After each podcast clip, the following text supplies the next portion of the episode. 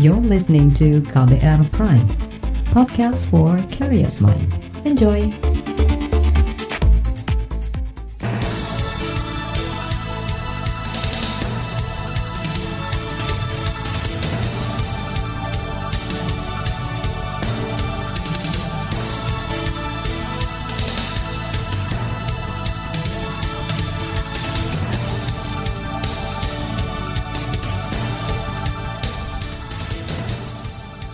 Selamat pagi, saudara senang sekali kami bisa menjumpai Anda kembali melalui program Buletin Pagi KBR edisi Kamis 30 Juli 2020 bersama saya Agus Lukman. Saudara, sejumlah informasi terkini telah kami siapkan untuk Anda, di antaranya Kementerian Perhubungan mengantisipasi mudik antar kota saat Idul Adha besok. Presiden kembali mengingatkan penanganan COVID-19 fokus pada delapan daerah DKI Jakarta menyumbang kasus COVID-19 tertinggi di tanah air. Inilah buletin pagi selengkapnya. Terbaru di buletin pagi. Saudara Kementerian Perhubungan akan fokus menangani mudik antar kota menjelang Idul Adha atau Hari Raya Idul Kurban tahun ini. Juru bicara Kementerian Perhubungan Aditya Irawati mengatakan masa libur yang tidak terlalu panjang diprediksi membuat masyarakat memilih bepergian ke tempat yang tidak terlalu jauh melihat bahwa antisipasinya adalah perjalanan yang dilakukan kemungkinan adalah perjalanan antar kota yang tidak jaraknya tidak jauh hmm. ya. Jadi kemungkinan besar ya paling paling jauh mungkin ada di dalam Pulau Jawa sendiri. Sementara uh, kami juga justru mengantisipasi adanya lonjakan tadi yang perkotaan tadi. Mm-hmm. Jadi bisa juga diaglomerasi seperti di Jakarta ke Bogor, misalnya ke Puncak untuk liburan dan kemudian Jakarta ke uh, daerah-daerah lain mungkin di Tangerang gitu. Jadi itu yang kemudian kami uh, lebih fokuskan untuk diantisipasi. Juru bicara Kementerian Perhubungan Aditya Irawati menambahkan kementerian telah berkoordinasi dengan kepolisian, operator sarana transportasi dan dinas perhubungan daerah untuk mengantisipasi lonjakan pemudik. Selain itu, koordinasi juga untuk meningkatkan pengawasan bagi penumpang yang menggunakan transportasi umum. Adita menghimbau agar masyarakat tidak melakukan perjalanan luar daerah apabila tidak mendesak. Organisasi Angkutan Darat Organda memastikan akan tetap menjaga keamanan dan kenyamanan penumpang saat mudik Idul Adha atau pada saat Hari Raya Kurban. Pengelola angkutan umum menjamin penerapan protokol kesehatan dan penyesuaian kapasitas penumpang di dalam angkutan guna mengurangi potensi penularan COVID-19. Ketua Umum Organda Adrianto Joko Sutomo mengatakan fokus dan prioritas utama seluruh anggota Organda adalah memastikan sterilisasi desinfektan dan jaga jarak antara penumpang di angkutan massal. Ia mengatakan hal ini telah diatur dalam surat edaran Kementerian Perhubungan. Nah, fokus utama juga tentunya di angkutan umum asal penumpang yang lebih rawan di antara penumpang yang lain kan itu yang selalu menjadi menjadi pembahasan sehingga dari pemerintah sendiri melakukan uh, surat edaran mengenai kapasitas jumlah penumpang dengan harapan uh, tentunya target sebagai uh, di antara penumpang yang tidak bersama uh, itu tidak langsung berhadapan dan mengurangi kontaknya. Ketua Umum Organda Adrianto Joko Sutomo menambahkan angkutan massal penumpang merupakan moda transportasi yang berisiko bila jumlah penumpang saat ini disamakan dengan ketika kondisi normal. Karena itu seluruh anggota Organda di tanah air harus menjalankan standar operasional prosedur seperti pengecekan suhu tubuh calon penumpang, sterilisasi disinfektan pada angkutan, dan pengaturan kapasitas dengan menjaga jarak antar penumpang. Ia menegaskan protokol kesehatan untuk mencegah penyebaran COVID-19 menjadi pelayanan utama menjelang mudik Idul Adha tahun ini. Sementara saudara pengamat transportasi Joko Setiawarno mencermati ada peningkatan lalu lintas keluar masuk kendaraan ke luar daerah menjelang Hari Raya Idul Adha. Joko mengatakan peningkatan kendaraan ini juga akibat dari pelonggaran checkpoint atau titik pemantauan yang sebelumnya ada di banyak lokasi perbatasan. Selain itu ada juga pelonggaran syarat surat bebas COVID-19 yang saat ini hanya ditujukan untuk penumpang pesawat udara. Namun demikian, ia menyebut masyarakat juga harus bertanggung jawab untuk menekan laju penularan dengan cara mematuhi protokol kesehatan. Ya kalau kondisi seperti ini, kalau seandainya mau bepergian tentunya dia harus mengikuti protokol kesehatan dan harus menjaga diri. Kalau memang dalam kondisi tidak memungkinkan sakit dan sebagainya, apalagi mau bawa anak-anak, saya lihat ada orang tua sebaiknya jangan.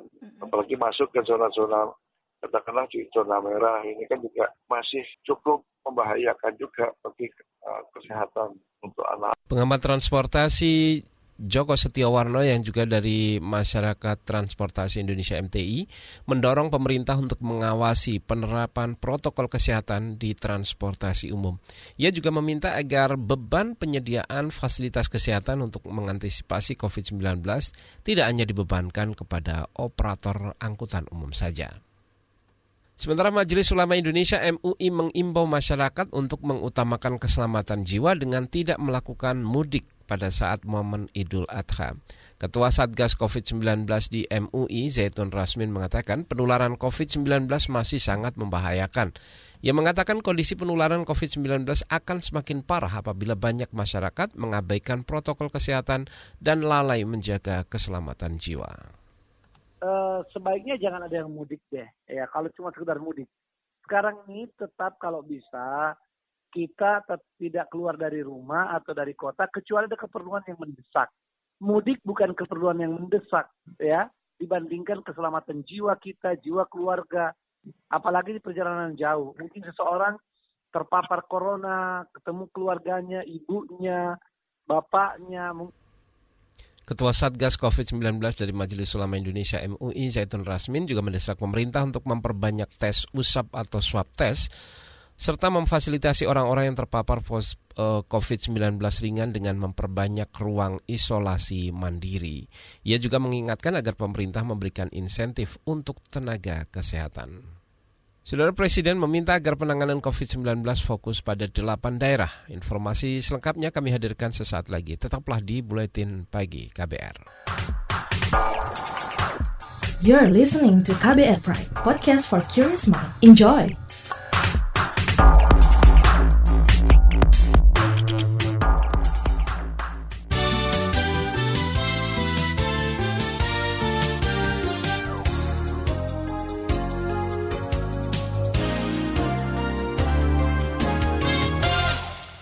Saudara, Presiden Joko Widodo memerintahkan Satgas Pemulihan Ekonomi untuk fokus menangani masalah COVID-19 di delapan daerah prioritas. Pernyataan itu disampaikan dalam rapat Rabu kemarin yang dihadiri Ketua Satgas Pemulihan Ekonomi Nasional Budi Gunadi Sadikin. Budi mengatakan Presiden meminta agar serapan anggaran dipercepat terutama dalam hal stimulus ekonomi usaha dan bantuan sosial. Kalau kita melihat kondisi saat ini adalah diminta oleh beliau agar memberikan prioritas ke bidang kesehatan dan juga delapan provinsi utama yaitu DKI Jakarta, Jawa Barat, Jawa Tengah, Jawa Timur, Sumatera Utara, Kalimantan Selatan, Sulawesi Selatan, dan Papua. Bapak Presiden juga memberikan arahan agar komite bisa mempercepat dan mengoptimalisasikan serapan anggaran untuk stimulus sampai akhir tahun ini. Ketua Satgas Pemulihan Ekonomi Nasional Budi Kunadi mengatakan pemberian stimulus ekonomi akan dipercepat untuk delapan daerah itu agar perekonomian bisa kembali bergerak dengan bantuan anggaran dari pemerintah. Hingga Juli ini serapan belanja pemerintah masih sangat kecil, yaitu hanya 19 19 persen atau sekitar 135 miliar rupiah dari jumlah yang dianggarkan sebesar 695 triliun rupiah. Satuan Tugas Penanganan COVID-19 menyarankan agar perusahaan maupun perkantoran menerapkan sistem kerja dari rumah atau work from home bagi semua pegawai. Anjuran ini disampaikan anggota tim pakar Satuan Tugas COVID-19 Dewi Nur Aisyah menyikapi tingginya angka kasus COVID-19 di kawasan perkantoran area Jakarta. Jumlah kasus COVID-19 di klaster perkantoran meningkat drastis semenjak penerapan pembatasan sosial berskala besar atau PSBB transisi di Jakarta mulai 4 Juni lalu. Sebelum 4 Juni, jumlah kasus positif di perkantoran Jakarta hanya 43 orang. Namun setelah itu hingga 8, 28 Juli lalu, angkanya bertambah menjadi 450 orang lebih. Semenjak PSBB transisi, sejumlah perkantoran kembali membuka operasionalnya meski dengan kapasitas setengah. Kalau kita melihat kondisi saat ini adalah untuk perusahaan yang masih bisa melakukan kerja WFH, lebih baik WFH. Yang bisa. masih bisa WFH, WFH. Kalaupun harus masuk, kapasitasnya 50%, jangan lebih dari 50%. Dan kepadatan yang ada di perkantorannya juga terbatas akhirnya. Dan yang kedua, nanti kalau misalnya memang terpaksa sekali ada yang harus masuk, ini dibikin shift. Shiftnya dibedakan ada dua jam perbedaan. Misalnya ada yang masuk jam 7, kemudian ada yang masuk jam 9. Agar tidak terjadi penumpukan pada saat kedatangan dan pada saat kepulangan maupun jam makan siang. Anggota tim pakar dari Satuan Tugas COVID-19 Dewi Nur Aisyah menambahkan, kasus positif COVID-19 di kawasan perkantoran belum tentu sepenuhnya hasil penularan di dalam kantor. Yang menduga ada turut andil penularan di area transportasi umum. Dewi Aisyah meminta agar perusahaan transparan dalam menyampaikan kondisi sebenarnya di kawasan perkantoran. Kita menuju ke kasus hukum, Saudara Komisi Pemberantasan Korupsi KPK tengah mengikuti dan mempelajari kasus korupsi, kasus hak tagih PT Bank Bali yang melibatkan buronan Joko Chandra. Deputi Penindakan KPK Karyoto mengatakan KPK bersiap apabila diminta Menteri Koordinator Politik Hukum Keamanan untuk bergabung dalam tim pemburu koruptor. Wajar saja bagi kepolisian apabila membuka kerjasama dengan kita, itu hal yang sangat bagus dan kita apresiasi dan kami juga sudah mulai mengikuti dan mempelajari. Bila mana nanti memang uh, ada hal-hal yang sifatnya KPK harus turun atau KPK harus membantu, KPK harus bersinergi, kami akan siap. Jadi ini sudah dikomunikasi, uh, sudah kami komunikasikan secara informal. Itu tadi Deputi Penindakan di Komisi Pemberantasan Korupsi KPK Karyoto. Sebelumnya, Saudara Badan Reserse Kriminal Polri membuka kemungkinan bekerja dengan KPK untuk mengusut dugaan aliran dana ke orang-orang yang diduga membantu pelarian Joko Chandra. Dalam kasus pelarian Joko Chandra, kepolisian sudah menetapkan seorang jenderal polisi bintang 1, Prasetyo Utomo, sebagai tersangka. Prasetyo disangka membuat surat jalan untuk memudahkan pergerakan Joko Chandra di Indonesia beberapa waktu lalu. Menurut Polri, pasal yang disangkakan kepada Prasetyo Utomo adalah pembuatan surat palsu dan menggunakan surat palsu. Kita ke mancanegara, saudara sekitar seribu jemaah berkumpul di Lembah Mina, Mekah, Arab Saudi mulai Rabu kemarin untuk memulai rangkaian ibadah haji tahun ini. Mereka melaksanakan ibadah tarwiyah sebagai tanda dimulainya perjalanan haji. Kota Mina yang berjarak 7 km dari Masjidil Haram biasanya menampung sekitar 2,5 juta jemaah dari seluruh dunia yang tinggal di tenda-tenda. Namun untuk tahun ini jemaah haji hanya dibatasi sekitar 1.000 orang jemaah karena adanya pandemi COVID-19. Jemaah yang diizinkan beribadah tahun ini hanya mereka yang berusia di bawah 65 tahun dan tidak punya penyakit bawaan. Seluruh jemaah yang sudah memenuhi syarat kemudian diharuskan melakukan karantina mandiri selama sepekan sebelum memulai proses ibadah. Kemudian mereka menjalani pemeriksaan sebelum memasuki kota suci Mekah. Seluruh jemaah haji pun harus menerapkan jaga jarak selama pelaksanaan kegiatan haji. Setelah ibadah haji selesai juga para jamaah diwajibkan melakukan karantina mandiri lagi.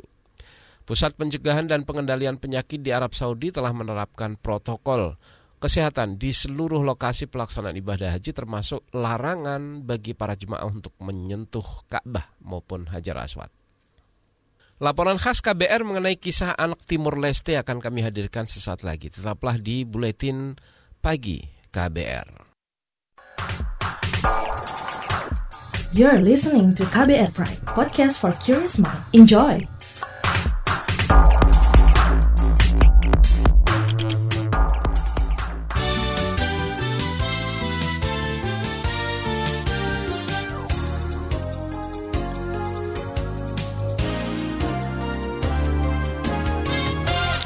Terima kasih Anda masih bersama kami di Buletin Pagi KBR. Saudara, bulan Juli dan Agustus merupakan bulan-bulan bersejarah bagi masyarakat Timur Leste. Juli 2008 kerap diingat sebagai momen penyerahan rekomendasi dari Komisi Kebenaran dan Persahabatan KKP Indonesia Timur Leste mengenai nasib ribuan anak Timur Leste yang dipindahkan secara paksa pada masa perang saudara dan pendudukan Indonesia. Puluhan tahun mereka dipisahkan dari keluarga dan kampung halamannya. Jurnalis KBR Valda Kustar ini berbincang dengan salah satu korban yang diculik dari Timur Leste. Berikut kisahnya. Lukman masih berusia 13 tahun saat konflik pecah di Timor Leste pada 1975.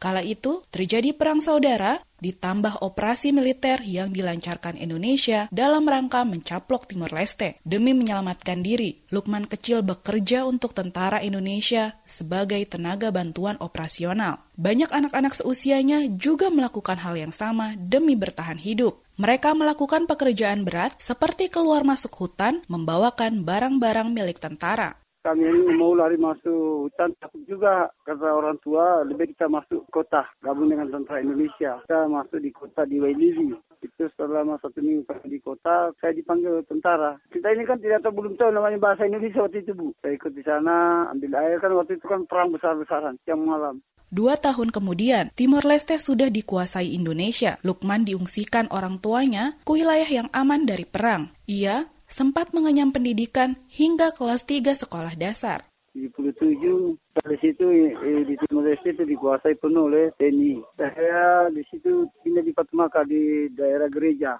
Saya suruh orang tua karena ada om saya tinggal di sana. Sekolah karena pastor itu di mana perang tidak terganggu, tentara hutan tidak pernah terganggu, maka dirasakan aman. Maka saya dikipit di sana sekolah.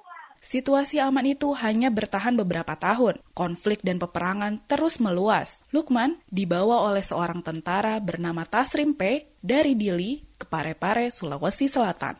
Itulah kali pertama Lukman menginjakan kaki di Indonesia. Dari Parepare, ia diberangkatkan ke Palopo dan menetap di Masamba bersama keluarga Tasrim. Nama Lukman sebenarnya bukan nama asli. Ia terlahir dengan nama Yose Simenes, tetapi diubah menjadi Lukman dan memeluk Islam satu hari di Dili kami naik kapal pindah kapal dari Dili ke Parepare. Parepare satu malam di sana, paginya kami ke Polopo. Jadi saya terakhir itu TB Kompise 721 Sanudin. Tahun 79 saya sampai di sini. Bulan bulan 12 saya sampai di Sulawesi. Satu saya sudah sampai Sulawesi kan saya dibawa di sekarang kan sudah di Kecamatan Masamba. Dari Polopo Kota kan dulu itu masih satu kota kabupaten. Pada 1980-an, Lukman masuk sekolah yang berada di dekat rumah. Namun, ia tak bertahan lama di sana karena kerap berkelahi. Lukman sering diolok-olok oleh anak-anak lain karena dianggap berbeda. Karena kita ini kan orang hitam, Bu. Orang rambut keriting, orangnya hitam. Jadi kita masuk sekolah sini kita sering dibully oleh anak-anak sekolah.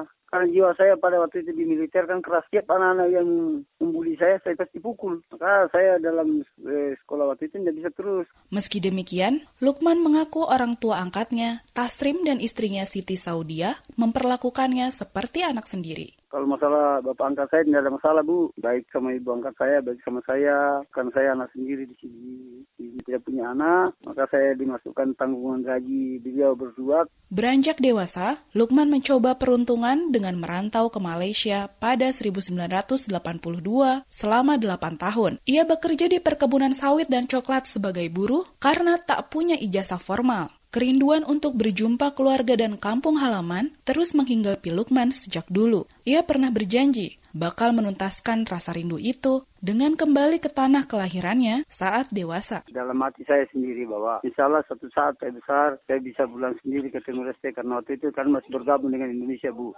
Ternyata pada saat sebelum saya pulang, dia pendapat maka negara itu telah terpisah. Maka batallah perencanaan saya untuk kembali ke kampung. Dua tahun lalu, Impian itu jadi kenyataan. LSM Asia Justice Right dan Komisi untuk Orang Hilang dan Korban Tindak Kekerasan Kontras memfasilitasi Lukman bertemu dengan anggota keluarganya. Namun, ia tak lagi bisa bersua dengan orang tuanya karena keduanya sudah meninggal. Lukman disambut kerabat dan sanak saudara yang selamat dari konflik. Kami kan empat bersaudara.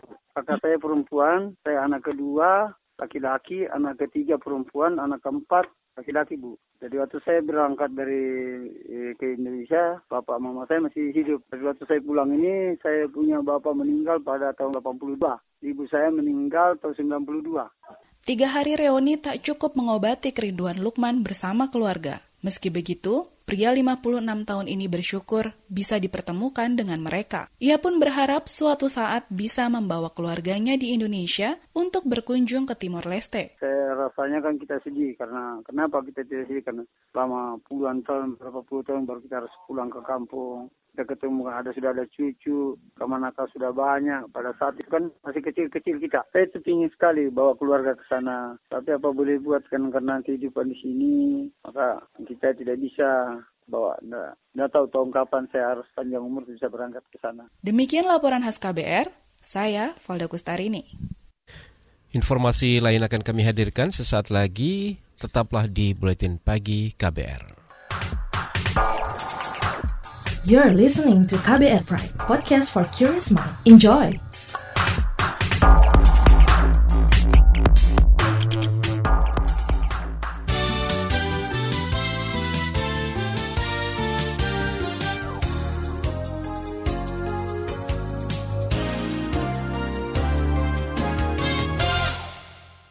Inilah bagian akhir buletin pagi KBR.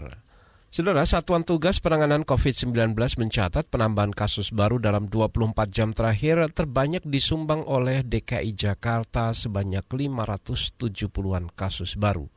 Tim pakar Satgas COVID-19 Dewi Nur Aisyah mengatakan sejak masa PSBB transisi DKI Jakarta diterapkan, ada 5.000 lebih kasus positif baru ditemukan melalui surveillance pasif. Dewi menjelaskan klaster, klaster rumah sakit masih menjadi penyumbang tertinggi di Jakarta.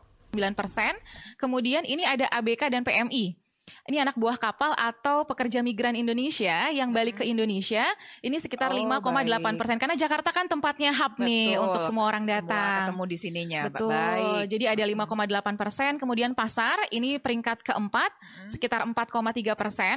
Kemudian kita lihat yang selanjutnya adalah perkantoran. Perkantoran ini sekitar 3,6 persen. Itu tadi saudara tim pakar Satgas COVID-19 Dewi Nur Aisyah. Sementara Satgas juga mencatat Pasien positif COVID-19 skala nasional hingga kemarin mencapai tambahan 2.000 kasus dan ini merupakan penambahan kasus baru tertinggi kedua selama COVID-19 mewabah di Indonesia. Kita ke Jawa Tengah, Saudara Gubernur Jawa Tengah Ganjar Pranowo mengimbau seluruh panitia kurban Idul Adha menggunakan besek atau bungkus yang dari anyaman bambu sebagai wadah untuk pembagian daging kurban. Ganjar mengatakan penggunaan besek sebagai wadah daging kurban untuk mengurangi volume sampah plastik yang dinilai cukup tinggi selama pandemi COVID-19. Sebenarnya eh, hari ini saya meminta kepada mereka yang akan melakukan pemotongan hewan, saya sarankan yang pertama ke RPH. Iya, iya, iya, saya, saya menyarankan itu karena memang dengan adanya pandemi ini hampir semua dibungkusin plastik kan Mbak. Sehingga sekarang plastik menjadi sangat, waduh pertambahannya banyak sekali. Padahal kita lagi mencoba mengurangi uh, sebanyak-banyaknya juga. Maka besek itu sebenarnya kan bisa uh, apa solusi dan itu kan bisa menghidupkan kerajinan besek kembali di masyarakat. Itu tadi saudara Gubernur Jawa Tengah Ganjar Pranowo. Menurut Ganjar, pemakaian besek bambu selain ramah lingkungan juga akan menjadi kampanye diet plastik. Selain itu juga mengangkat kembali perekonomian pengrajin besek di tengah pandemi. Ganjar menyarankan pemotongan hewan kurban dilakukan di rumah pemotongan hewan saja, serta pembagiannya dilakukan dari rumah ke rumah. Saudara informasi tadi menutup jumpa kita di Buletin Pagi hari ini. Pantau terus informasi terbaru melalui kabar baru melalui situs kbr.id, Twitter at berita KBR, serta podcast di alamat kbrprime.id. Akhirnya saya Agus Lukman, kami undur diri. Salam.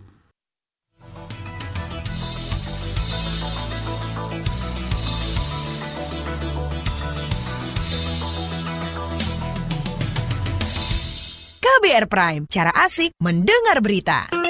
KBR Prime, podcast for curious mind.